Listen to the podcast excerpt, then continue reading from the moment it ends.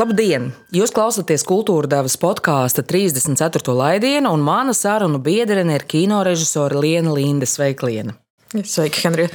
Lienu vispirms iepazinu kā raksturošu cilvēku un jutos dziļi aizkustināta, izlasot vairākas viņas esejas portālā Satorī. Taču Lienē ir vairākas spēles īsfilmas, kas visas lika noprast, ka te ir darīšana ar īpašu rokrakstu. Īsfilma Zeme ir visvienkāršākā planēta, ir stāsts par pieaugušu, savam vecumam neierasti viedu bērnu. Filma Četri mīlesti vēsta par latviešu ģimeni, kas ir gadu kopīgi sagaida jauno gadu, un kā jau var noprast pēc virsraksta, četras no šīm sagaidīšanām ir atainotas filmā. Tad 12 gadu laikā, no 99. līdz 2011. gadam. Un septiņas neveiklas seksa reizes. Tā ir filma par to, kā jauna režisora mēģina uzņemt savu pirmo filmu, paralēli piedzīvojot dažādas seksuālās attiecības un mēģinot eh, izmantot savu seksuālo pieredzi filmas radīšanā. Vēl ir filmas dokumentālā filma klātbūtne, kas ļoti tieši neizskaistinot, bet arī nešausminoties izstāsta četru sieviešu stāstus, kuras ir stāvoklī. Nu, šobrīd, kad mēs esam tikušās, jau kādu laiku ir noslēdzies Lienas pirmās filmas spēļu filmas, spēļu filmas, kā man pareizi labo vienmēr kolēģi, Melnais samts, filmēšanas posms. Nu, tagad sekos montāža, vai ne Liena? Nu, montāža jau norisinās vairākus mēnešus. Jā, tā kā sako vis, visas tās fāzes, kas saucās pēcapstrāde mūsu profesijā. Kas ir uh, iegrimšana materiālā un kas ir šausmu šausmas parasti. nu, es, es teiktu, ka visās fāzēs ir šausmu, šausmas. Es tā, tādu nevienu filmas ražošanas fāzi nezinu, kur, kur ir patīkama un, un, un prieku sagādājoši. Bet uh, nav tā, ka filmēšana kaut kāds kaivs tomēr. Tā vajadzētu būt, bet, bet tas tā nebija manā pieredzē. Un cik es runāju ar cilvēkiem, kolēģiem, nu, man liekas, tas kaifa vai ciešana līmenis cilvēkiem varie. Un manā gadījumā tas, es tiešām negaidīju, ka būs tik grūti. Es, man šķiet, ka es, es, biju, es biju laimīga uz laukuma tieši divas, divas, divas reizes. Viena reize bija pašā pirmajā filmēšanas dienā, īsi pirms mēs sākām filmēt to, to pusstundu pirms, pirms pirmā kadra, un pēc tam es biju laimīga uzreiz pēc pēdējā kadra nofilmēšanas. Viss tas, kas bija pa vidu, bija, bija, bija ārkārtīgi smagi un grūti. Bet nu, manā gadījumā arī mans darbs ir tik ārkārtīgi ilgi nācis. Man par viņu pašu ir ļoti.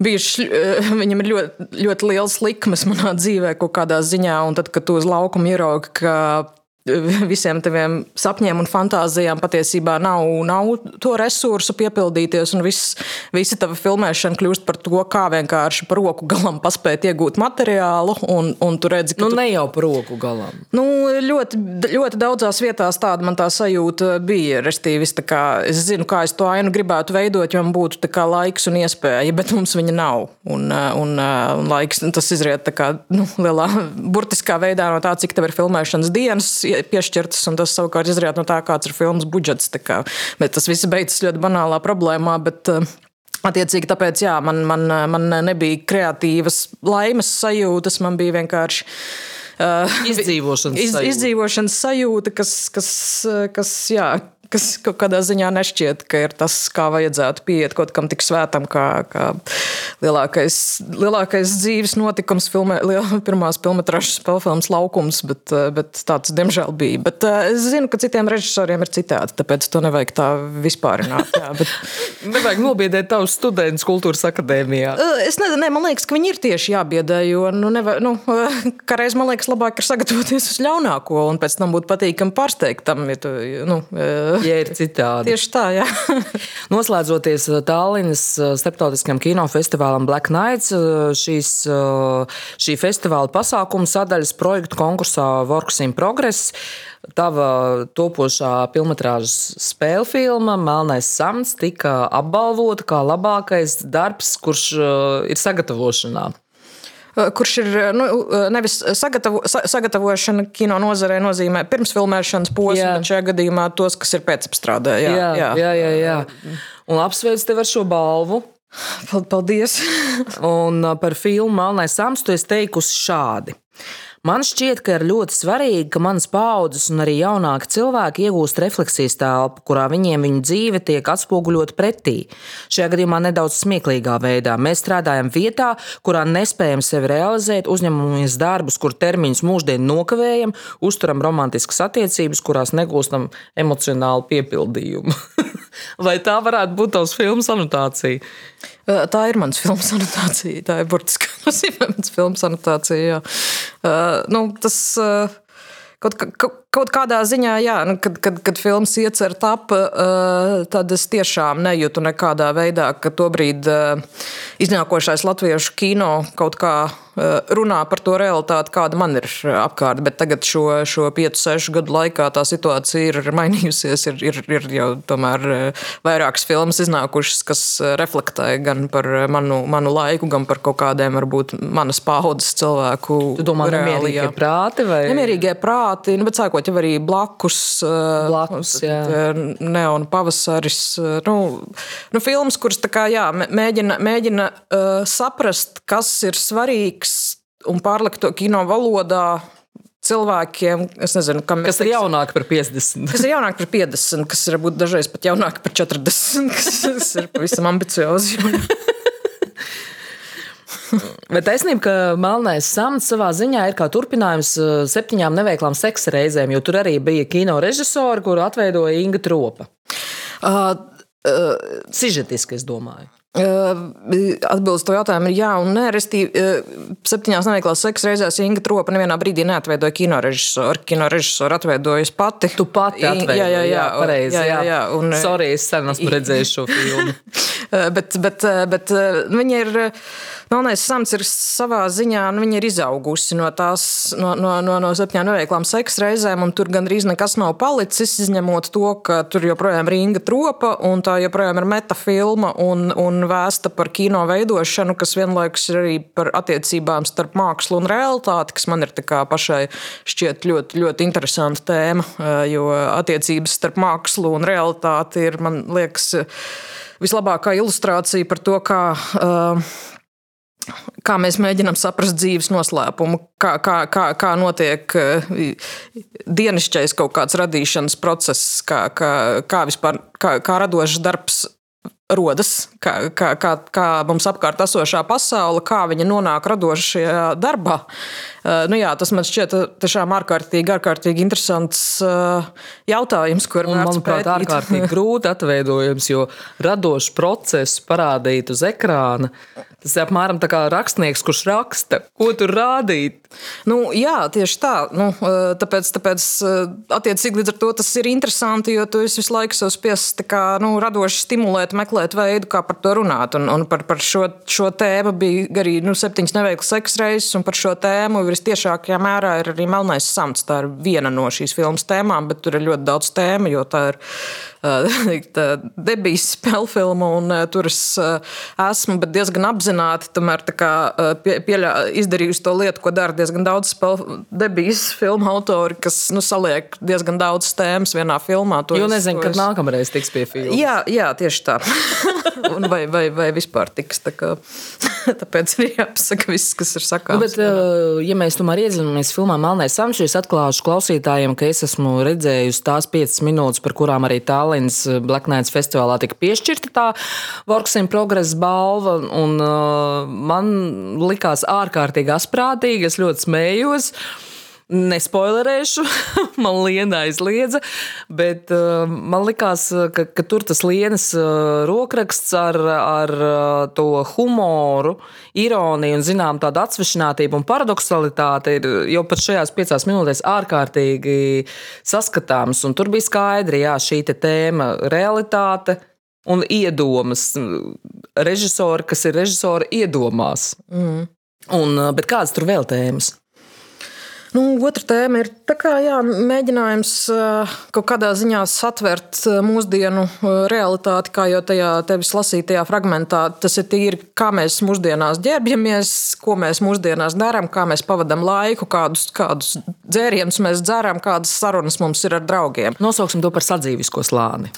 Jā, nu, varam to tā nosaukt. Jā. Un, protams, ka tas, ka scenārijs ir rakstīts piecus gadus, man ir tādā ziņā ļoti traucējis, jo kaut kādā ziņā.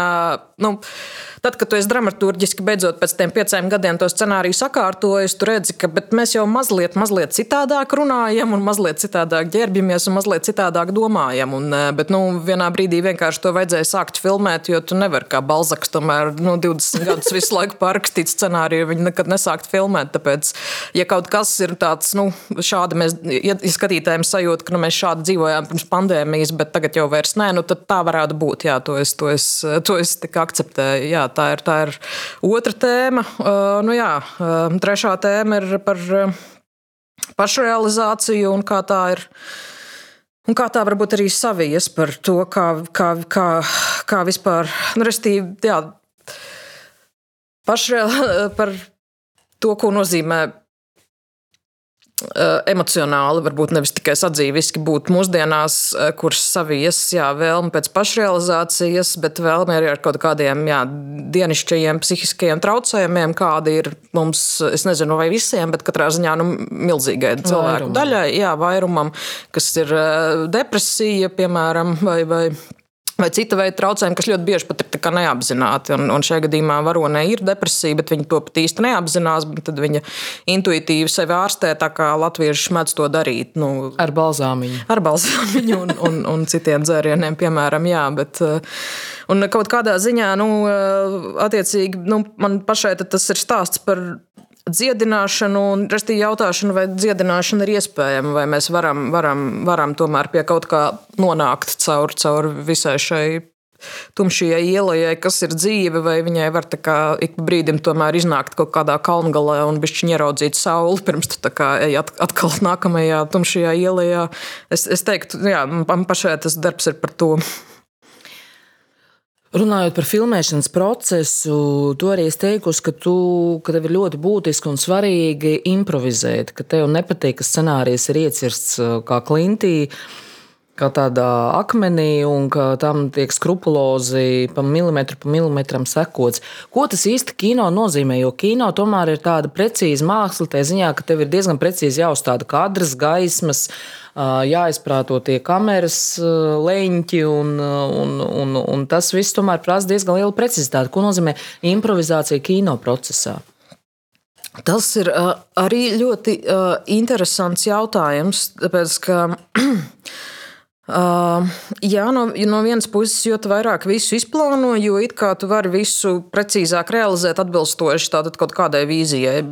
No otras puses, uh, tā var iebraukt kaut kādās ilūzijās, kuras vienā brīdī sabruks. Nu, Restīvi ilūzijās par to, ka tu kā režisors vai jebkurš cits uh, inscenējošais uh, grupas loceklis, kā operators, mākslinieks vai producents, vai, bet nu, primāri tāda kā režisors, ka tu kaut ko kontrolē, nu, ka, ka tu tiešām visu kontrolē. Tā nekad nav.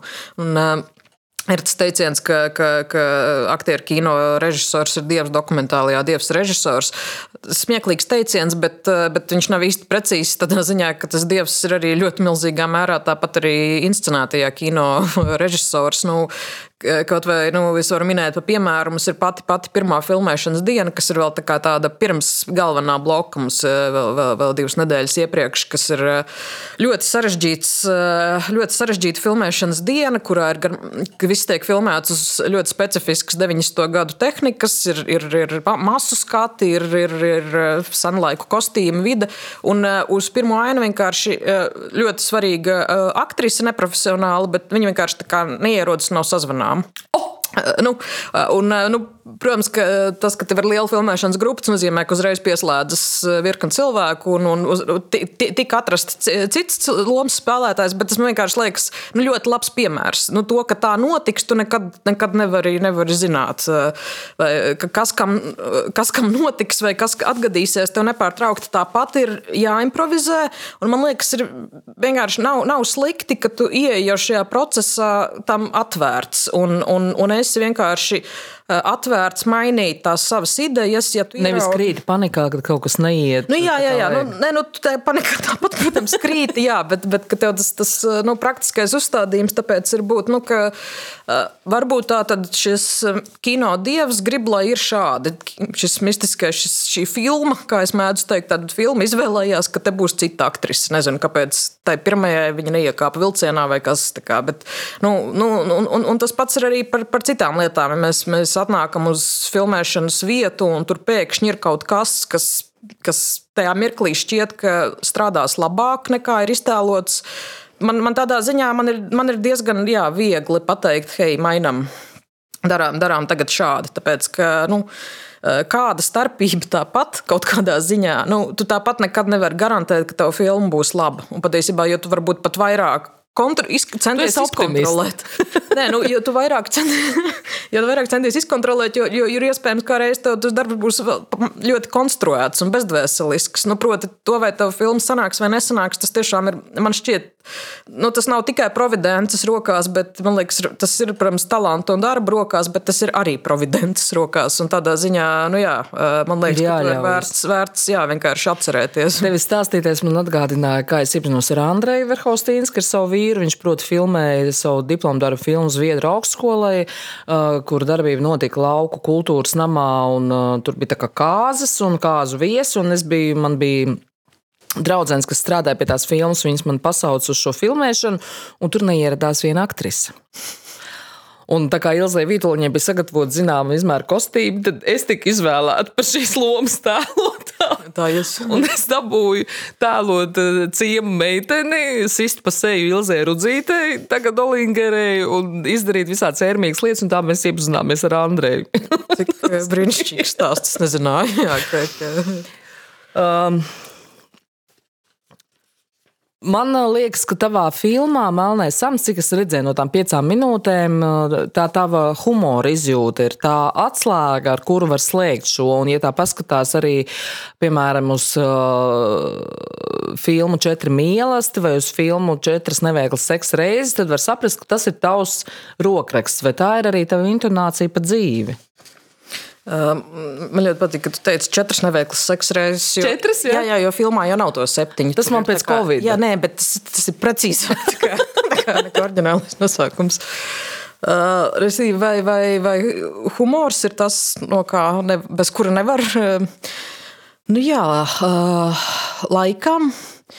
Piemēram, dokumentālā filma Klātbūtne, kur arī minēja, kuru mēs veidojam kopā ar Armānu Začu. Nu, viņa, viņa nav ļoti humorīga, bet, ja filmā ir kaut kādas divas, trīs vietas, kas ir tā tādas, nu, kaut kādas tur izskan kaut kas mazliet tāds, par ko gribas pasmieties. Man liekas, ka tas bija tas, uz ko tie momenti, kuriem es uzstāju, lai mēs viņus iemontējam.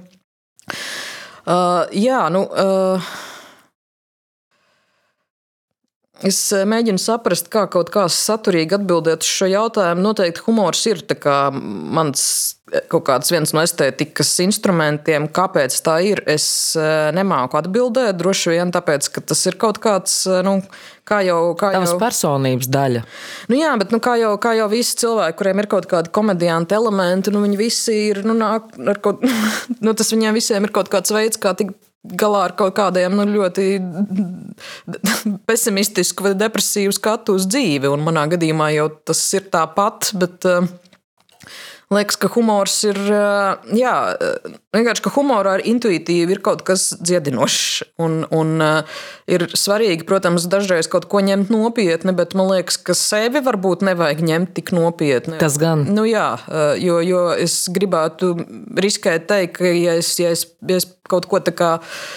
Uh, Ja es kaut ko apskatu humoristiski, tad es parasti tomēr uzlieku sevi arī uz tās laktas daudzāmās. Nu, kad, kad, kad es, es, es cenšos, es, es tā nedomāju, ka mans humors ir tāds citus ļoti izsmejošs, ka viņš parasti ir tomēr pašironisks. Un, nu, jā, eh, un ka tādā ziņā tad, tad man liekas, ka eh, lai viņš nāk, nu, kad, kad, nu, jā, eh, ka tur varbūt ir kaut kāds veids, kā varbūt sevi pasargāt no tā, ka tu ej kaut kādā pārāk lielā narcismā, sāc domāt, ka tu esi šausmīgi svarīgs. Nu, man šķiet, ka ir ļoti svarīgi to, to uh, smiešanos saglabāt, jo, jo kas tad cits mums dzīvē ir?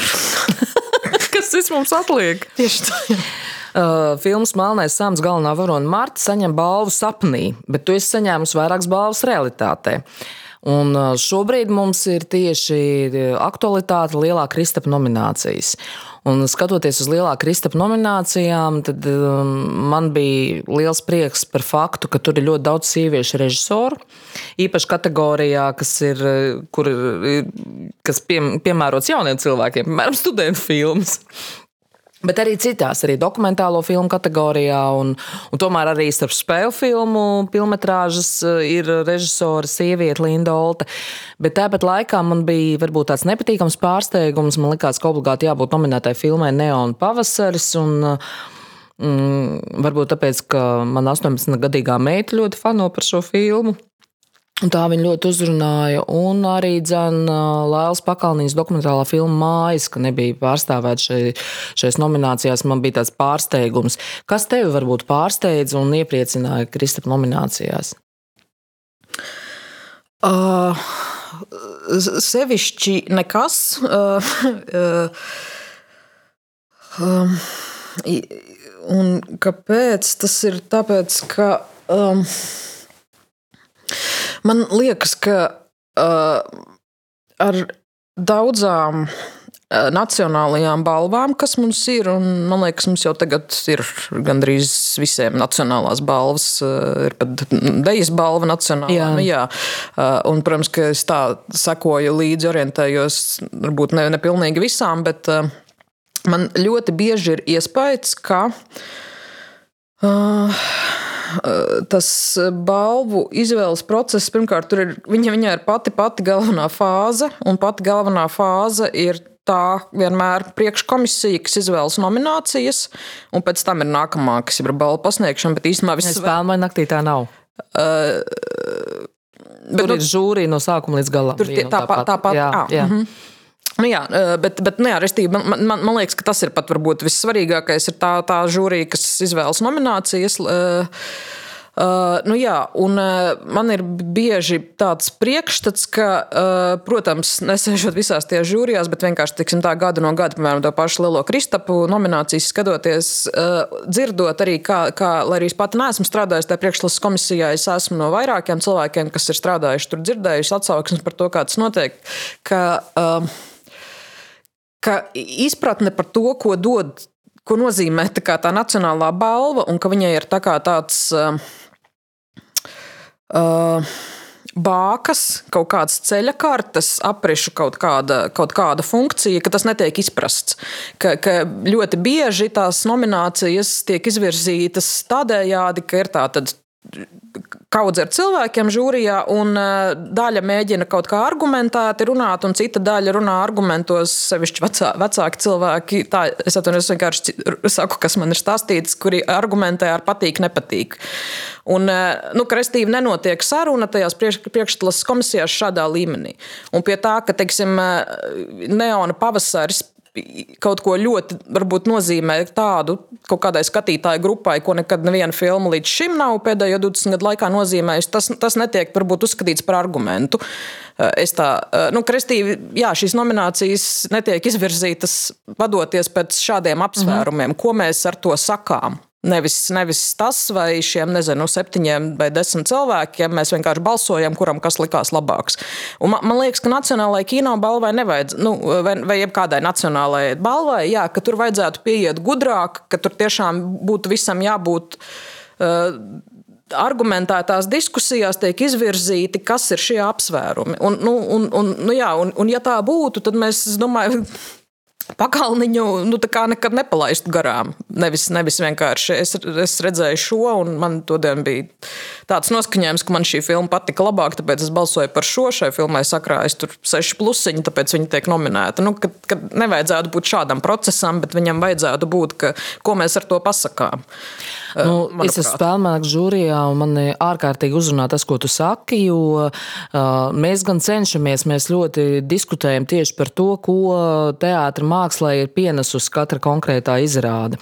Nevis, ka tā ir vienkārši laba izrāde, ko režisors ir profesionāli uztaisījis, profesionāli noilustrējot uh, kādu dramaturgisku darbu. kas arī mēdz būt ļoti labas izrādes. Uh, bet tas, ko tu saki, ka tai vajadzētu būt tā tādai ceļa kartei, uh, kartētai teritorijai, tas, tas īstenībā man uzrunājas. To izmantošu savā nākamajā spēlē, naktas apulcē. Pateikšu kolēģiem, paldies! Paldies, jā, bet man, man, man pašai vienkārši tas, nu jā, man, man, tas par kino man tas jau ļoti daudzus gadus savā ziņā jumdo. Man gribētos kaut kā, jā, lai. lai jā. Nu, jā, lai, lai, lai varbūt visiem būtu kaut kā līdzīga vienošanās, ko tā balva nozīmē. Un kamēr tas tā nav, kamēr tas tiek uzskatīts, ka tas ir priekšatlases komisijas kvantuma balsojums par to, kas viņiem personiski patika vai nepatika, nu, tikmēr es domāju, ka nu, tai balvai būs kaut kādā ziņā varbūt devalvēta nozīme. Jo, jo, nu, uh, Tad, nu, attiecīgi, ne, nu, vienkārši nozars acīs viņai. viņai izbrauc uz tādu statistisko vairākumu. Nu, jā, jā. Un, un es domāju, ka tādai, ja tev ir kaut kāda privātā balva, kaut kāda mazāka balva, tas pilnīgi vienalga. Taču kas tiek nominēts un kā tiek, kā tiek apbalvots. Bet, jā, ja tev ir kaut kāda nacionālā balva, man liekas, ka tur ir jāpieiet ar lielāku ziņā, atbildības sajūtu, nolemjot, ko mēs izceļam, ko mēs neizceļam, saprotot, ka tas viss ir par kaut kādā ziņā platformas došanu, ka mēs, mēs, ka šeit mēs izceļam, ka ir kaut kāda estētika, drosme, tēma. Uh, nu, nu, jā, ka, ko mēs, jā. Nu, tu, tu man saprati. Sapratu, jā. Kas ir tavas lielās kino mīlestības? Es regulāri lasu tavus Facebook ierakstus, un tur ir par ārkārtīgi dažādiem kino darbiem. Gradzena pavēlnieks un, un kas tik vēl ne, bet, bet tavas tās tiešām tādas lielās kino mīlestības. Uh,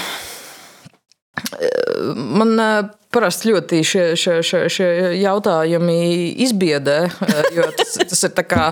tas nebija mans. nu, tas ir tā kā, tā, tā, uh, iedomājieties, tā kā, nu, uh, Es būtu mainītās vietās, nākt intervēt tevi, un tad es tev teiktu, bet, nu, bet kas ir tavi tā kā, nu, uh, no visiem draugiem, ar ko es dzīvē draudzējusies, kā, tā, nu, tomēr foršākie cilvēki. nu, man ir mazdrusciņi šādi. Man ir grūti kaut kā nu, tā arbitrāri izcelt. Nu, es varu teikt, ka tas bija, bija franču jaunais vilnis, kas man pirmo reizi atvēra acis, kas ir īsts kino. Un, un to, to, to bija uz Rīgu atvedu uz Baltijas pērle ap 2000. 5, 4 gadu kaut, kaut kad. Tad, kā, es varu teikt, ka tas man bija kā, tiešām dzīves atricinošs notikums, kad es sapratu, ka es līdz šim neesmu redzējusi kino. Nu, nu, es sapratu, ka tas ir īsts Tas, ir, tas nav stāstīns, tas ir kaut kas cits. Tas tā nav jā, smuki ilustrēta literatūra. Bet, bet, nu jā, tā kā, nu jā, kopš tā laika es drīzāk teiktu, ka ir vienkārši atsevišķi kino darbi, ka pa laikam atver no jauna un jauna acis uz kaut ko, ko var kino izdarīt. Eh, tāpēc man ir tā, ka kādus atsevišķus autors vai filmas vienkārši negribas saukt, jo, jo viņu ir daudz. Un, un, eh, jā, eh, Nu, varbūt es pajautāšu savādāk. Varbūt tev ir kāds, kas tev ir radniecīgs tieši tādā valodas, uztveres, intonācijas ziņā, ko tu izjūti kā savu radinieku. Mm. Jo to, ka tu esi spējīga uz uh, arī abstrahēšanos uh, no, no, no savām personīgajām prioritātēm un novērtēt kino darbu, kas varbūt uh, nav tev tuvākais tajā izteiksmes līdzekļu ziņā, bet tu novērtē, cik tas ir krūti uztaisīts, tas ir, tas ir saprotami. Droši vien ir kaut kādi vai nu autori, vai, vai, vai arī viņa konkrēti darbi, kurus esmu kaut ko aizņēmusies, bet nu, tas arī būtu kaut kādi aptuveni. Simts. Nē, es teiktu, ka tā ir kaut kāda 20. bet, bet, diezgan daudz.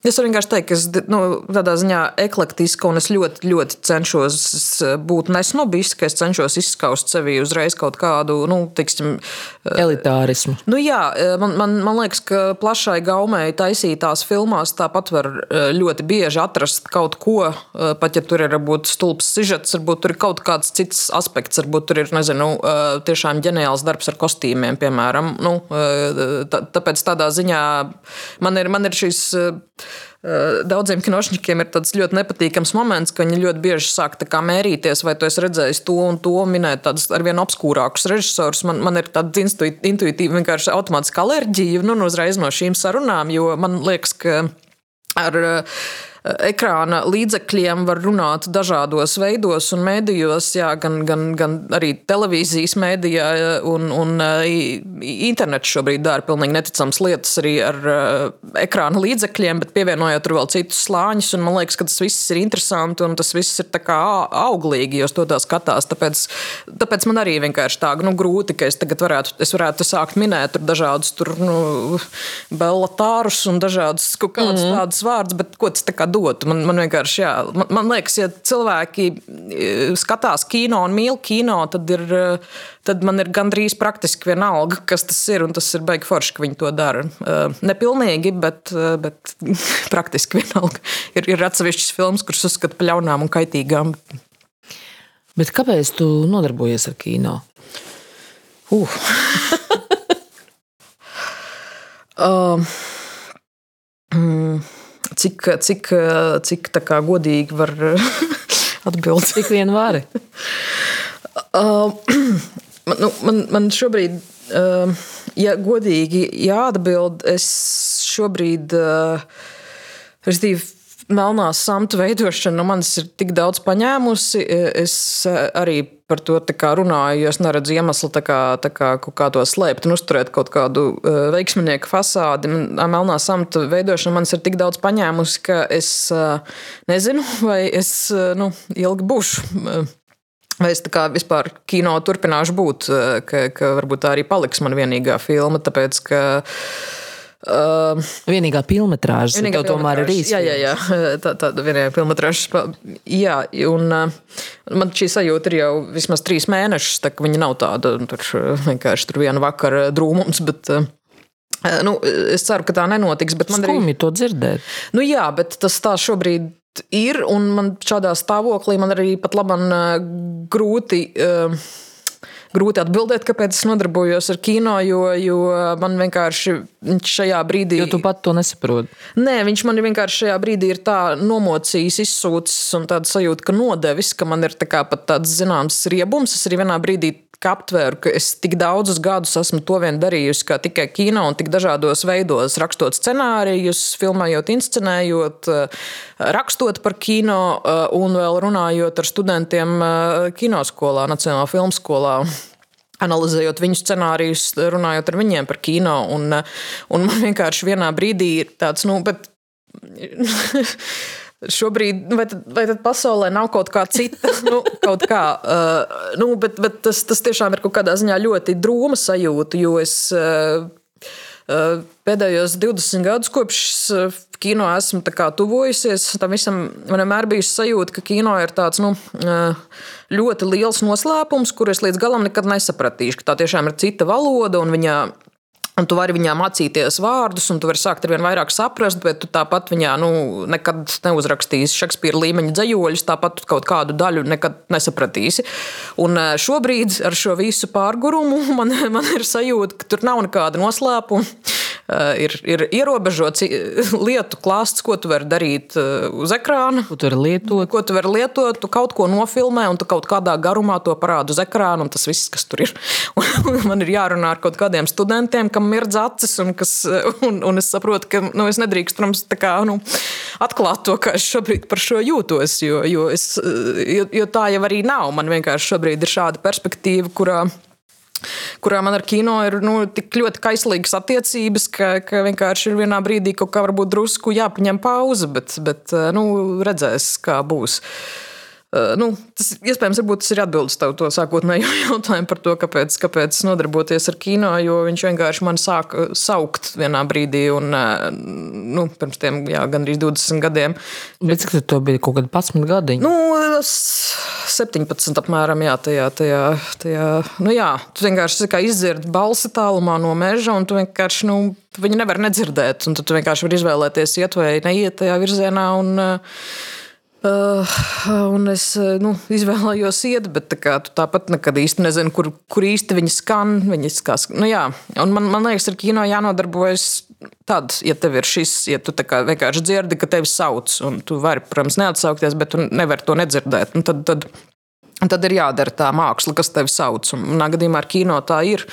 Bet, nu, ja, ja, ja, ja, ja tu nodarbojies ar kaut ko, bet tu īstenībā nedzirdi, ka tevi tas kaut kur sauc, nu jā, tad, tad varbūt tas, tas nav jādara. tad varbūt tas nav jādara.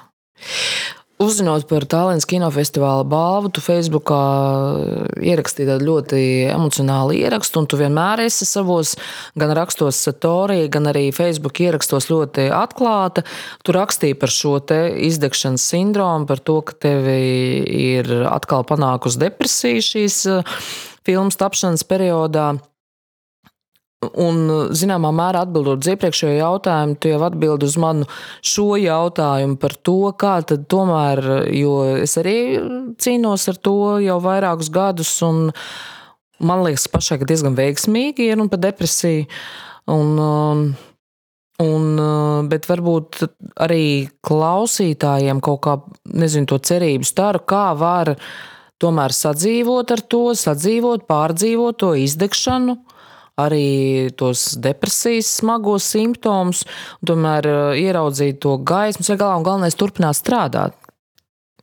Jo deadlines neviens nav atcēlis, un rēķinus neviens nav atcēlis, un tev ir jāturpina būt radošam. Nu, tajās profesijās, kurās ir jābūt radošam, kurš tu tāds nevar nebūt.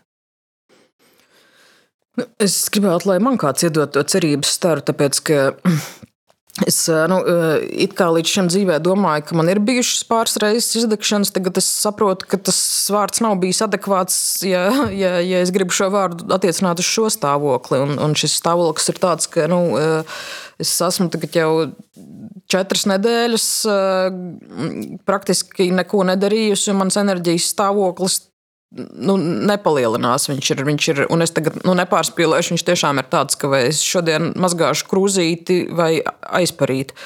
Nu, tas ir tādā līmenī, man ir, man ir jāiziet līdz šķūnītim 5 metri pēc malkas, jo man malkas apkūra, un es to tā kā es 6 stundas mēģinu saņemties. Tas nespēka līmenis ir tik milzīgs, un atbraukt pie tevis. Uh, Bija varoņdarbs. Nu, tas ir nu, tā kā, jā, milzīgs tāds. Uh, un, es to ļoti novērtēju. Jā, bet, bet, bet vienkārši tas, ka uh, šo četru nedēļu laikā tas enerģijas apjoms ir, nezinu, nu, kā, nu, praktiski nav pieaudzis. Uh, nu, baterija bija zem 1%, tagad viņa ir 1, kaut kas. Uh, un es saprotu, ka okay, nu, man principā vajadzētu gadu neko nedarīt. Kaut, nu, ja, ja, jo, nu, ja es tagad vienkārši atsāku strādāt, bet es esmu šādā, nu, bet tas, tas, tas, tas tas, tas nebeigsies vienkārši ar neko labu. Un man, man nav atbildes, jo man šis, tas, ko tu saki, man ir ļoti vajā. Neviens nav atcēlis deadlines, neviens nav atcēlis to, ka nu, arī nu, šī filma ir jāpabeidz, ne to, ka ir kaut kādi citi plāni un projekti, un to, ka ir jāpelna maize vienkārši, lai, lai, lai ir par ko nopirkt to malku. Uh, man nav atbildes, bet man ir kaut kādā ziņā man, man, man gribētos, lai mēs kaut kā par to mazliet runājam, un man šķiet diezgan. Uh, Es nezinu, vai, vai tas ir atkārtojies, piemēram, tavās aprindās, bet savās es to redzu kā normu, ka cilvēki, kas strādā kultūrā, ir kā, nu, vaiprātīgi izdeguši, un tas ir kā, nu, norma. Visi ir pārstrādājušies, negulējuši, un viņi arī nav ļoti bagāti. Ja, nu, piemēram, kad, kad draugs Edgars Šubrovskis tur dzirdēja, kā man iet, viņš teica frāzi, kur es pilnībā piekrītu, bet viņš ļoti labi formulēja, ne, nu, ja cilvēks tik daudz strādā, tad viņam ir jābūt superbagātam. Es viņam pilnīgi piekrītu. Nu, bet, ja arī nav arī tas, kā tu zini, kultūras cilvēki, kā nu, visi strādā pamatā ar misijas apziņu, uh, tad nu, tas vēl palielina vēl vairāk to nu, nenovērtētības apziņu. Un, un, uh, man, man, man liekas, ka. Uh, sadzīvot ar depresiju ir vieglāk, ja tu apzinājies, ka tā nav kaut kāda infekcijas slimība, bet viņa ir pilnīgi tā kā, kā teicu, tā depresija ir ļoti adekvāta reakcija uz to realitāti, kurā, piemēram, tu esi visu laiku pārguris, tu nejūties novērtēts, tu visu laiku par kaut ko cīnies, piemēram, par cilvēktiesībām un demokrātiju citu starpā. Bet tev ir arī jābūt tādam nu, atpu, brīvam un uh, labā stāvoklī un rotaļīgam, lai tu varētu radīt to labo Latvijas mākslu. Un tas ir nu, neizpildāms uzdevums. Ehm, tāpēc es nezinu, es, es gribētu, lai kāds pasaka, kas ir tā formula, kā tas, kā tas, eh, nu, kā tas ir kā, jā, iespējams. Jā. Eh. Pērkonam bija gan dziesmu, mākslas darbi rodas mokās.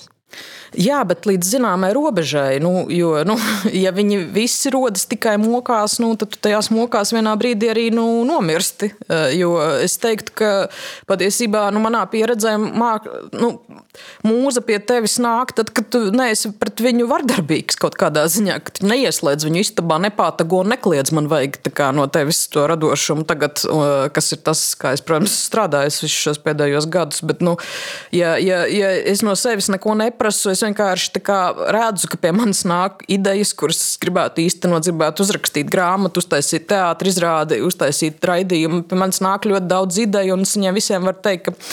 Uh, Man ir savi termiņi ar lietām, kuras man jādara piespiedu kārtā, un šīs kaut kādas uh, uh, tās lietas, kas, gribā, kas varētu notikt, ja, ja es varētu vienkārši ļauties tam radošumam dabiski, viņas vienkārši nekad nenotiks. Un, nu, un tas kaut kādā ziņā šausmīgi. Man liekas, ka ļoti daudz kas eh, Latvijā nenotiek, jo mēs esam pārstrādājušies un neizgulējušies un eh, īsti pat nespējam apstāties un saprast, par ko mēs gribam šobrīd, ko mēs īsti gribam šobrīd darīt vai pateikt. Nu, mēs esam kaut kādā kā, ritenī vienkārši, kur mēs sakožam zobus un darām. Jā, jo, jo to riteni darbina rēķini, kas ir jāmaksā. Un, uh, un arī kaut kāda pienākuma un atbildība citu cilvēku iesaistīto priekšā. Nu, jā, jā tas, tas, uh, tas varbūt tieši kaut kādiem varbūt, projektiem attiecās, un to projektu var nobeigt un, un, un nesākt nākamo. Bet, ja tev ir tie rēķini, kas darbina to, to riteni, tad, tad, tad tev ir jāsāk nākamais. Un, un, un tas, ja radošais darbs kļūst par tādu uh, konvejeru, tad tas nav. Es nezinu, cik tas ir radošs darbs. Nu, jā. Uh, nu, jā. Atkal atgriežoties pie tām piecām minūtēm, ko es redzēju no tavas filmas, man liekas, ka tur ir gan radošums, gan. Uh, gan Nu, es tur redzu to radošumu. Es redzu to, ka tev tā ideja bija svarīga un ka, ka, ka tu runā par sev svarīgām lietām, ka, ka tā ir filma, kuru tu esi gribējis uztaisīt. Nevis filma, ko tu taisi, tāpēc, ka ir jātaisa. Nu, jā, bet tāpēc jau tas tā kā, ir kaut kā tik daudz maksājis, ka vairs, vairs, vairs kaut kam citam nav spēka. Bet nu, tāpat eh, man, man, man ir tiešām ļoti, ļoti iepriecina, ka tev patika tās piecas minūtes, bet eh, tas, diemžēl, mani nenomierina tajā, vai filma sanāks vai nesanāks, jo to jau varēs redzēt tikai, nu, faktiski varējuši par šo jautājumu nomierināties tikai kaut kādā varbūt pirmizrādē un pirmajās atsauksmēs. Jā. Bet ir jau vēl tās melnās noskatīšanās, ka tu saicini draugus un cilvēkus, kur viedoklis tev ir svarīgs. Mums personīgi ar Andrēju veidojot filmas, tās īstenībā ir daudz ko devušas tieši tās tādas starp noskatīšanās. Nu, jā, jā, bet, bet nu, tāpat jau arī nu, tieši tāds aicina draugus, un, un uh, viņi varbūt arī nepateiks, cik slikti ir. bet, bet tāds mēģinās. Bet tev vienmēr būs tāds aizdoms. Nu, bet, protams, jā. Uh, lasot tavas slēdzes storiju, kā jau es teicu, nevar nenovērtēt to tavu atklātības līmeni un to, cik uh, par personiskām lietām tu esi tajās vēstījusi. Un, uh, un, un arī par savām sāpīgām privātām traumām. Vai tas ir vienkārši tāds tuvāk pasmeļamais avots vai tāda terapeitiska nepieciešamība? Būt tik atklātai, tik godīgai un, un tik personiskai. Es, man, man pašai laikam nav nemaz uzstādījuma būt atklātai un personiskai. Tas ir vienkārši kaut kāds, tas, ja tas tā izskatās, tas laikam vienkārši kaut kāds tāds mans nu, pamat uzstādījums, jā, kaut kāds pamat, pamat veids, kā, kā komunicēt ar pasauli. Ka, Ja, nu, Bet tas ir tāds drosmīgs veids, jo, jo man liekas, ka tad, ja tev tur pēc tam sakumentē kaut kādas šausmas, tad, ja tu esi bijis tik atklāts savā kaut kādā privātajā pieredzē, tad tas ir kaut kā tā dubult traki. Jā, bet tāpēc ir, es cenšos ievērot internetu higiēnu, es nelasu komentārus. Jo, jo, ja es to darītu, es nedomāju, ka es kaut ko vispār varētu uzrakstīt. Jā. Bet um, es saprotu, man laikam ir vienkārši kaut kāds. Um, bauslis eh, pašai sev, nu, censties būt patiesi visu laiku nemelot sev par to, kāda ir realitāte, un tad, tad, tad tas vienkārši laikam arī pārceļo uz kaut kādiem tekstiem vai ko. Nu, ka, ka, kas vienkārši, ja es tā redzu dzīvi, tad, tad es tā rakstu. Bet es domāju, ka ne tikai uz tekstiem, ka tas arī uz filmām ir pārceļojis. Nu, pilnīgi noteikti, jā, un filmās jau tas ir, filmas jau ir sā, sāsināts tāds teksta veids, jā. Bet, bet jā, par, par, par to, ka ir ļoti jāievēro kaut kāda pašsaudzība ir, ir taisnība. Un es no sevišķi arī. Ja, ja, ja tu kā sieviete kaut ko izsakies, tad dabū vēl divreiz vairāk dubļu tīri tikai dzimuma dēļ draudzene Alisa Zariņa. Es vienkārši nesaprotu, kā viņa eksistē, nu, kā viņa to iztur. Jo tas, tas, tas dubļu daudzums, ar ko viņa ikdienā nomētā, kaut vai par to, ka viņa ieliek bildīti ar sevi internetā, man liekas, tiešām neaptverams. Man liekas, ka tur ir liela drosme. Jā, eh, tajā, tajā, tajā, ka es kaut ko uzrakstu. Ir, eh, varbūt pat tā kā mazāka. Bet, nu, es, protams, arī ir, ir, ir, ir brīži, kad es sevi pašcenzēju un eh, neļauju kaut ko rakstīt, jo es saprotu, ja, ja sāksies kaut kāda diskusija, es, es viņā vienkārši es ne, es, es, nu, nevarēšu viņā iesaistīties. Un, eh, un, un, un tas moments man nepatīk. Nu, brīdis, kad es sevi pašcenzēju, jo, jo, jo internetu kultūra ir interneta sarunu kultūra ir ārkārtīgi, ārkārtīgi vardarbīga. Mēs dzīvē tā nerunājam. Mēs dzīvē nekliedzam viens uz otru, nu, tā kā mēs to darām internetā. Tomēr. Nu, pat ne, jā, jā nu, tas, tas, protams, jā, tas ir viena daļa, ir, ir, ir šī ārpa. Ir, ir cilvēki, kas vienkārši varmākas komentāros, bet es arī domāju, ka es diezgan bieži saprotu, ka es mēdzu arī, varbūt, ja es komentāros kaut kādā diskusijā iedegos, es izsakos asāk, varbūt nekā es izteiktos dzīvē. Un, Nu, jā, un attiecīgi, varbūt ka, nu, jā, es nevaru saprast, vai, vai, vai tīmekļa sarunu telpa ir pati labākā, bet tā ir ļoti bieži tāda nu, galvenā mūsu sarunu telpa. Tev ir arī svarīgi izteikties par, tā, par to, ko mēdz saukt par sabiedriski nozīmīgākām tēmām. Sabiedriski nozīmīgām tēmām, un, piemēram, tev bija asins raksts pēc tam, kad Polijā aizliedza abortus šī sabiedriski aktīvā pozīcija kaut kā ar to tavu introvertu, dažādu distoniju nomākto cilvēku tēlu, nu, tā kā pat neiet kopā, jo tu tiešām esi sabiedriski aktīvi, nu, vismaz, nu, vismaz ar vārdu. Bet es domāju, gan jau arī citādi. Nu, tas, tas, tas, ir, tas ir grūti.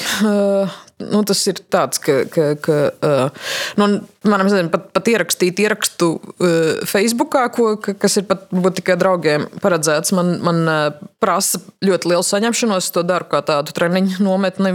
Bet, nu, kad es sāku rakstīt tās satorijas lejas, kurām jāiznāk pirmdienās, es, es, es, es sākumā pirmos mēnešus es negulēju cauri nakti līdz tai pirmdienai, jo es vienkārši man likās, nu, nu Pirmkārt, nu, sliktāks teksts ar muļķīgākām domām nekad nav uzrakstīts, un, un visi tagad redz, ka es eksistēju. Nu, tas tāds neapzināta sajūta. Nu, tad, tad palika mazliet vieglāk, bet tas, tas ir, kā, ir ļoti grūti jā, pateikt kaut ko kas apliecina, ka es te esmu un es izsakos. Man liekas, ka ļoti daudz jā, cilvēku, kam ir šāda, kā tu teici, introverti ar distonijas iezīme, tas ir ļoti labs apzīmējums. Bet nu, par kaut kādām lietām man liekas, vienkārši kā, nu, nedrīkst nerunāt un, un par to, ka. Par kurām lietām nedrīkst nerunāt šobrīd? Nu, par to, ka globāli un arī šeit, uh, mazākā līmenī, Latvijā jau vairākus gadus pieaugušas autoritārismu tendences un apdraudējums demokrātijai, un par to, ka sājuma var paziņot, ka neievēros atvērsmes tiesas spriedumu, un pre prezidents par to paklapēja ausis, pie tam būdams jurists. Es nezinu, man tas liekas šokējoši, man liekas, par to būtu jākliedz. Runā par jārunā. civilo attiecību likumu. Nu, jā, bet nu, tas, ir piemēr, nu, tas ir viens no piemēriem, jā, bet tas man vienkārši liekas, ka viņš ir jau tā kā, es nezinu, robežšķirtne kaut kāda. Ja, ja, ja parlaments vienkārši uzskata, ka var ne, nepildīt satversmes tiesas. Uh, uh, spriedumus, tad, tad, tad man liekas, tur jau, es nezinu, tur varbūt vairs pat nav atpakaļceļa, ja, ja mēs tam pārējiem pāri. Nu, mēs esam jau tajā tik stipra autoritārisma traumē, ka tur, tur vairs nevarēs no viņas izpeldēt. Un, uh, uh, nu, nu, jā, nu, Mums tikai nav tās autoritātes. Autoritārismu iezīmes ir, bet nav tās, nav, nav tās personības, kas, kas šo autoritārismu veidot kā sevi atbalstošu struktūru. Nav, nav varbūt centralizēta tirāna, jā, bet to, ka antidemokrātiskie strāvojumi ir, ir kaut kādas sabiedrības daļas, tāda, tāds nu, vaļasprieks, nu, tas, es nezinu, es neko, nu, man grūti kaut ko šausminošāku iedomāties. Ja man, man liekas, ka tas pašreiz notiekošais Ukraiņas karš, es zinu, ka nu, daļai cilvēki, piemēram, ir mazliet raisījis interesi. Uh, palūkoties atpakaļ uz Otro pasaules karu, jo, jo pēkšņi varbūt arī visi šie, šie laika procesi sāk kļūt saprotamāki. Un man liekas, ka tas ir ļoti laba lieta, ko darīt. Piemēram, no, noklausījos Timotīs Snaidera grāmatu Bloodlands, kuras, kur laikam ir arī latviski tulkota, ja nemaldos, kas ir tieši par šo Austrum Eiropas reģionu Otrā pasaules kara laikā.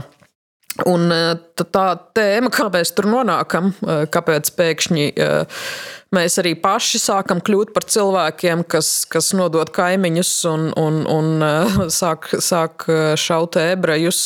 Nu, Nu, man liekas, ka tas ir jautājums, ko vajag kā kaut kādā ziņā mēģināt saprast atbildi, jo, jo kaut kādas tendences ir nu, arī e, šeit noteikti. Tas, ka, tas, ka pēdējo pusgadu tajā rupjā interneta telpā viens uz otru cilvēki kliedz, ka vajag, nu, vajag vienam otru deportēt, es nezinu. Nu, Nu, tur ir nu, vēlme. Karš ir to sācinājis, man liekas, vēl vairāk šo tendenci. Jā, jo, jo cilvēkiem pieaug tas saucamais, nu, tas uh, fight or flight, nu, tas režīm, izdzīvošanas režīms, kurā tu nedomā sakarīgi, kurā tu esi sas, sasprindzinātā nervu sistēmas stāvoklī, tādā nav iespējams sarunāties, tā, jo tā tu uztver visu par savas dzīvības apdraudējumu tādā ķermeniskā līmenī. Un, uh, un nu, cilvēki to tā kā. Uh, Ja cilvēki to neapzinās, tad, tad, tad, tad, tad tas arī paliek tajā līmenī. Visi viens uz otru kliedz, bet, bet, bet nu, tādā, tādā stāvoklī jau arī tu vienā brīdī vari sākt viens otru kā, nu, slapkavot. Nu, jā, nu, Ukraiņas karš ir sācinājis arī vai eskalējis, vai tie ir tādi negatīvi vārdi, bet es nezinu, vai šī tendence, mm, es esmu daudz par to domājis, vai tā ir vairāk eh, pozitīva vai nē, ir sācinājis tāds patriotismu jūtas. Tādu ļoti lielu piederības sajūtu savai valstī, bet eh, tā otra puse, ka tas sāsina arī nacionālismu jūtas un, eh, un lielu neiecietību pret, nu, es domāju, šodien īpaši pret krieviem kur visi ir padarīti par, par atbildīgiem par uh, to, kas notiek Ukrajinā. Man kā puskrievietei šī tendence arī šķiet biedējoša.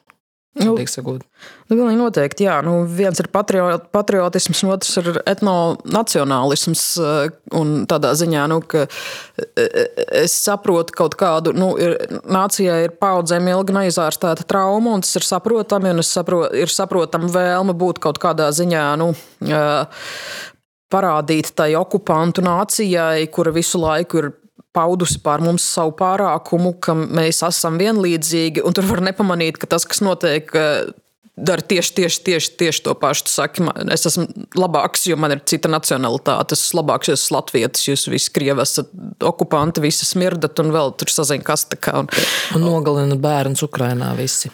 Nu, nu jā, nu, kad, kā, nu, tas, ka ir kaut kādas šādas. Uh, uh, etnonacionālistiskais fanātisms sāks, un, un tā retorika jau tiešām ir tāda pati kā no Kremļa nākoša. Vienkārši tiek nomainīti atsevišķi vārdi, uz, uz ko tas attiecas, un ka to var sevī nepieķert. Tas ir tas, kas man šķiet ārkārtīgi nu, biedējoši. Nu, tā ir man šķiet drūma tēma. Nu, par man, man, man goda vārds nav laba sajūta par šo valsti. Man, man nu, diena nešķiet, ka pēc dažiem gadiem mēs, citējot himnu, laimē diesim kaut kādā citā vietā. Man šķiet, ka pēc dažiem gadiem mēs varētu atrasties ļoti, ļoti sliktā vietā, kurā vairs nevalda tiesiskums, gluži kā nevalda Gluži kāds nevalda kaimiņu valstīs, ļoti tuvējās. Mēs šobrīd ļoti cītīgi strādājam politiķu līmenī, pie tā, lai tas tā būtu, lai, lai vienkārši tiesiskums vairs nebūtu šīs valsts pamatā, lai, lai, lai konstitūcija būtu tikai papīrs, lai viņā būtu. Lai viņi būtu piedrazoti ar dažādām preambulām, un kristīgām vērtībām un, un homofobiskiem izteikumiem, un viņai nebūtu vairs tā kā jā, satvara, kas aizsargā pilsoņus. Uh, nu, Visus pilsoņus pie tam, arī eh, tos, kuri kaut kādā ziņā ir mazākumā. Nu, jā, nu, un, un, un nu, tur, tur, tur, tur vienīgais ir secinājums ir tas, ka visi, kas eh, nevēlas dzīvot kādās ciešanās vai apspiestībā, nu, pēc arvien lielākos pulkos emigrēs. Vai tu esi domājis par to? Es, es esmu par to domājusi, kā visi cilvēki visu mūžu, un jau ļoti sen pieņēmusi lēmumu, ka es gribu dzīvot Latvijā, jo šeit es varu veidot filmas, un tas ir ļoti, ļoti mans būtiskākais tāds Bet lēmums. Droši vien varētu fi veidot filmas arī ārzemēs. Ja es šaubos, jo man ir piepūli. Jā, bet nu, man interesē, man, man, man tiešām ir sajūta, kas atbildīgi par, nu, ka man ir savas lietas jāizdara Latvijas kultūrā, uh, un, uh, un, un tas man arī tikai iepriecina un gandarīja. Bet Es tiešām man pēdējos mēnešos manī sāk plaiksnīties doma, ka ir šāds plāns B jātur galvā. Tāpēc, ka nu, vienā, vienā brīdī, eh, pēc dažiem gadiem, vienkārši nu, nebūs, eh, šī nebūs tāda valsts, kas, kurā gribas dzīvot. Eh, ja tu esi cilvēks, kam patīk cilvēktiesības un demokrātija. Un, un, un man tas liekas kā, nu, ārkārtīgi akūti. Kas vēl ir tie triggeri bez uh, šī uh, civilās savienības likuma, kas, uh, ko saima tik viegliprātīgi un koķetējot atmeta šī, es domāju, 14. saima? Ka, ka, ka tā to pat neizskatīs. Kas vēl ir, ir Stambulas konvencijas ratificēšana, kas mums ir ilgus gadus, un tu esi rakstījis par vardarbīgām attiecībām uh, ka tā netiek uh, ratificēta, vai tavuprāt, uh, ratifi nu, konvencijas ratificēšana palīdzētu cīnīties ar to šausminošo statistiku, kāda Latvijā ir par uh, vardarbību tieši? Nē, nu, protams, ka kaut vai tādā ziņā, ka ir izdarīts kaut kāds viens birokrātisks ķeksītis. Es neesmu tik, tik kompetenti, lai detalizētāk runātu, bet saprotu, ka ir kaut kādi procesi, kuri, kuri varētu eh, veikties labāk pēc tam, kad šī konvencija ir ratificēta. Pēc tam es varētu piezīmēt, ka iespējams arī tā kā. Uh, vispār kalpotu, ja mēs lietas sauktu precīzākos vārdos, un tā nav īsti Stambuls konvencija, bet ja mēs viņu sauktu tā, kā viņi sauc, tā ir konvencija par vardarbības novēršanu pret sievietēm un ģimenes. Jā, jā, jā. jā. Nu jā, ka, ka uh, lieciet, lieciet cilvēkiem pateikt pilnu teikumu, ka viņi ir pret konvenciju par vardarbības novēršanu, teiksim, jā, ratifikāciju. Tikai tāpēc, ka tur ir apspriests dzimtes jautājums. Jā, nu, uh, es pat neteiktu, arī tam, ja saki, nu, tas ir galvenais iebildums. Tas genders, tā, tā, tā, tā trakā ēna, šis vārds. Es, ne, es nedomāju, ka tur ir īsti iebildums, kad cilvēks par to iebilst. Viņu nu, gandrīz nekad neviens nav lasījis, un, un, un pat nezinu, par ko tur ir runa. Man kolēģi Gunta Gaida Māviča konstatēja raidījumā par uh, Stambulas konvenciju, kur priesteris Ilmārs Tolstovs uh, bija ļoti iebildes pret to, atkal tā genderisma dēļ, bet uh, tad viņi vienkārši viņam pavaicāja par dažiem punktiem tajā konvencijā, un, protams, izrādījās, ka viņš nebija to lasījis. Nu jā, nu kādēļ, kādēļ Kādēļ Kremļa maigā vara, kas izplata šādus, šādus kā, ilūzijas par kaut, kādiem, par kaut kādām genderu un geju mitoloģijas ordām, kas okupēs svēto latvietību, nu, tas viss nāk no Kremļa. Nu, es īsti nesaprotu, kādēļ to ir tik grūti redzēt. Bet viena no tām drūmākajām lietām, ir, kas man ir sajūta par Latviju, ir tiešām tas, ka cilvēki ir Cilvēki ir ārkārtīgi neizglītoti. Cilvēki nespēja kritiski uztvert informāciju, viņi apstrādāt, nav spējīgi diskutēt, nav spējīgi debatēt. Nu, tā tumsa, kas, kas, kas valda tajā sajūtā, ka ar vien lielāka Latvijas sabiedrības daļa vienkārši ir neizglītota pat kaut kādā nu, vidusskolas līmeņa kaut kādu informāciju nav uztvērusi, nezinu, kā strādā, piemēram, valsts, valsts iestādes, ka, ka ministra prezidents nav arī, piemēram, premjeras vienlaikus, un mm. viņš, viņš tur neatlaiž un nepieņem ministrus vai kaut kādā. Nu, kad, Ir, tas, tas man šķiet prātam neaptverami. Un, un, Nu, tur acīm redzot, ir sistēmiska problēma ar izglītības kvalitāti, kas ir ielaista tik dziļi, ka es tur nezinu, ko, nu, ka tur nav tiešām nekāda plākstera, ko var uzmest, ko, ko, ko var izdarīt. Un, un tas tumsas apjoms ir vienkārši tiešām kaut kādā ziņā ārkārtīgi, ārkārtīgi biedējošs. Tā kā, nu, tas, tas, un Man kaut kādā ziņā man ir, man ir augsts empātijas līmenis, liela spēja iejusties, bet, bet man ir ļoti grūti iejusties tādā cilvēkā, kādā, kuram ir. Uh, nemīl, kur, kur, kuru neinteresē, nu, kuram nav kaislības pret zināšanām, kuram negribas saprast pasauli. Jo, jo viss mans dzīves vektors ir mēģinājums saprast pasauli, pēc iespējas labāk saprast cilvēkus, saprast, kā lietas strādā. Un, ja cilvē, ir, cilvēki tādi nav, eh, viņiem ir kaut kāds savs stāstīns, kurā es nezinu, kariņš visus šļircē un, un, un sūta visiem kaut kādus gejus virsū. Es nezinu, nu, jā, nu, eh, Un, un viņu apmierina šī pasaule. Viņš negrib uzzināt, ka tā darbojas citādi. Tad, tad, tad man, man ir šausmīgi grūti ar šādu cilvēku sarunāties. Es nesaprotu, kā viņš domā, un es nesaprotu, kāpēc. Jo man liekas, ka nu, vēlme uzzināt un saprast, ir nu, kā kaut kāda cilvēka pamatbūtība. Tu paskaties uz bērnu, kas Bet ir. Droši vien viņa interpretācijā viņš ir uzzinājis un sapratis. Arī šis nu, viņš ir nonācis uh, gala sazvērstības jā. Viņš tātad nonācis gala punktā. Viņš uzskata, ka citu zināšanu nepastāv un citu skatu punktu nepastāv. Uh, un neeksistē vairs nu, nekā virs, virs, virs, es nezinu, jā, špricētāja kariņa vai, vai, vai Eh, genderu, eh, es pat nezinu, genderu apakalipses jātniekiem. Es nezinu tiešām, ko viņi, ko viņi iztēlojas, kas, kas notiks ar Latviju, ja, ja tajā varbūt slepkavos sievietes mazāk un eh, cilvēki, kas dzīvo ģimenēs, varēs reģistrēt attiecības.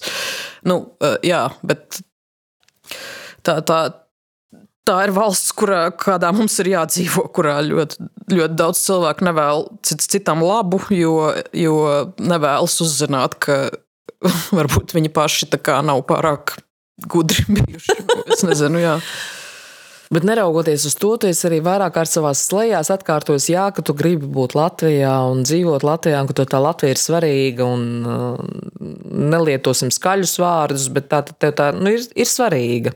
Protams, ka man, Lat man Latvija ir ļoti svarīga. Jā. Uh, la, nu, man liekas, ka tas ir nu, tas, ka, tas, ka mums ir valsts, kurā mēs kā, nu, runājam latviešu valodā. Un, uh, Mums ir brīnišķīga daba, un mums ir, ir, ir, ir, uh, ir sava kultūra, un mums ir sava vēsturiskā piesaiste šai vietai. Un, uh, un man liekas, ka Latvijā ir milzīgs potenciāls, Rīgā ir milzīgs potenciāls. Man liekas, ka nu, tas Rīga visu laiku ir sarūkoša pilsēta, un tur ar vien mazāk cilvēku grib dzīvot. Tas nav pilsētas potenciāla vaina, bet, bet tas ir Nu, ka, ka mums ir tiešām tik brīnišķīgas iespējas, eh, ka šī būtu brīnišķīga zeme, ka cilvēki vienkārši brauktu no ārzemēm un gribētu dzīvot. Un es daudz tādus zinu, es daudz, zinu daudz cilvēkus, kas dzīvo Latvijā un nāk, nāk no citām valstīm. Un, eh, un viņi varētu būt tik daudz vairāk. Un varētu nebūt tā, ka cilvēkiem ir jāemigrē, jo. jo Jo, piemēram, viņi nevar šeit reģistrēt savas, savas attiecības.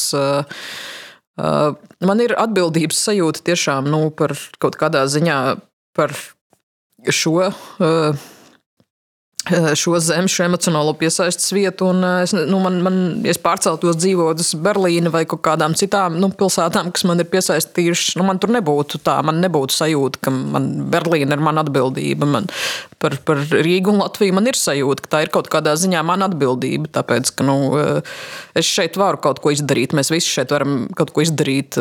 Mēs kvartāls var savākt parakstus un panākt, ka nenocērt kokus un uzliek soliņu. Nu, eh, mēs tik šausmīgi daudz varam iespaidot. Tas, tas, tas, eh, un tas tam vajadzētu būt iedvesmojoši un, un, un, un skaisti. Jā. Bet man, man ir atbildības sajūta. Jā. Man ir atbildības sajūta par kaut kādu. Uh, tiešām arī par to nu, radošo, par, par, par kaut kādām lietām, ko pateikt mākslā. Jo, jo, jo man ir sajūta, ka kaut kādas lietas varu pat, nu, pateikt tikai es, nu, kā ir par katru mākslinieku. Un, bet man ir sajūta, ka, ja es viņas nepasaku, tad varbūt Latvijā, kur mums ir tik ļoti maz cilvēku un arī tik ļoti attiecīgi tā mākslas, tomēr dzīve nav, nav, nav tik bagāta, ka, ja es kaut ko neizdaru, tur paliek vakums. Nav, ja tu Ņujorkā kaut ko neizdari, tavu vakumu noteikti aizpildīs simts citu cilvēku, kas, kas, kas gaida savu iespēju. Un Latvijā kā reiz ir tā kā, nu, ja es kaut ko nepasaku vai neizdaru, tad tas process būs lēnāks. Bet tā ir laba sajūta. Nē, nu viņa, ir, viņa ir ļoti. Tā ir, saku, tā ir, tā ir kaut kādā ziņā nu, atbildība no, no radoša cilvēka. Man liekas, ka nu, jā, tas, ir, tas ir stress papildus kaut kādā. Nu, jā. Jo, nu, man, man, man ir arī stress par to, ka es esmu tādā bezspēkā, ka neko nevaru padarīt. Es, es, es, es, es redzu, kas teiksim, iztrūkst, kā, kā, kā netiek varbūt kaut kādas lietas izdarītas, kuras varētu izdarīt arī to skait kaut kādā ziņā Latvijai, ja, ja es nebūtu tik nogurusi šobrīd no tā, ka es darīšu, taisīšu filmu Latvijai. Bet es domāju, Liena, kad tu atpūtīsies un ka, tu, kad tavs baterijas uzlādēsies arī par vairāk kā 1%, un, un, un, un, un kad jau būs tie 10%, tad jau var kaut ko iesākt. Tad jau var. tad varam, ko es tev arī ļoti novēlu, gan tos 10, gan 50, gan 100 procentus. Uh, Paldies, tev, ka tu biji šajā sarunā kopā ar mums un ka tu pārvarēji to savu krūzītes sindromu, kā mēs to šajā raidījumā varētu nosaukt un uh, atnāca pie manis. Un šo jau 34. raidierakstu kultūra deva laidienu. Jūs bijāt kopā ar kino režisoru Lienu Lindi un mani Henrietu Verhaustīnsku. Ar jums tiekamies arī raidījumā Kultūra deva svētdienās, pulksten 5. Latvijas televīzijas pirmajā kanālā vai Replē LV. Savukārt nākamajā kultūra devas podkāstā mēs tiksimies jau pēc divām nedēļām. Paldies, Liena! Paldies, Henrieta!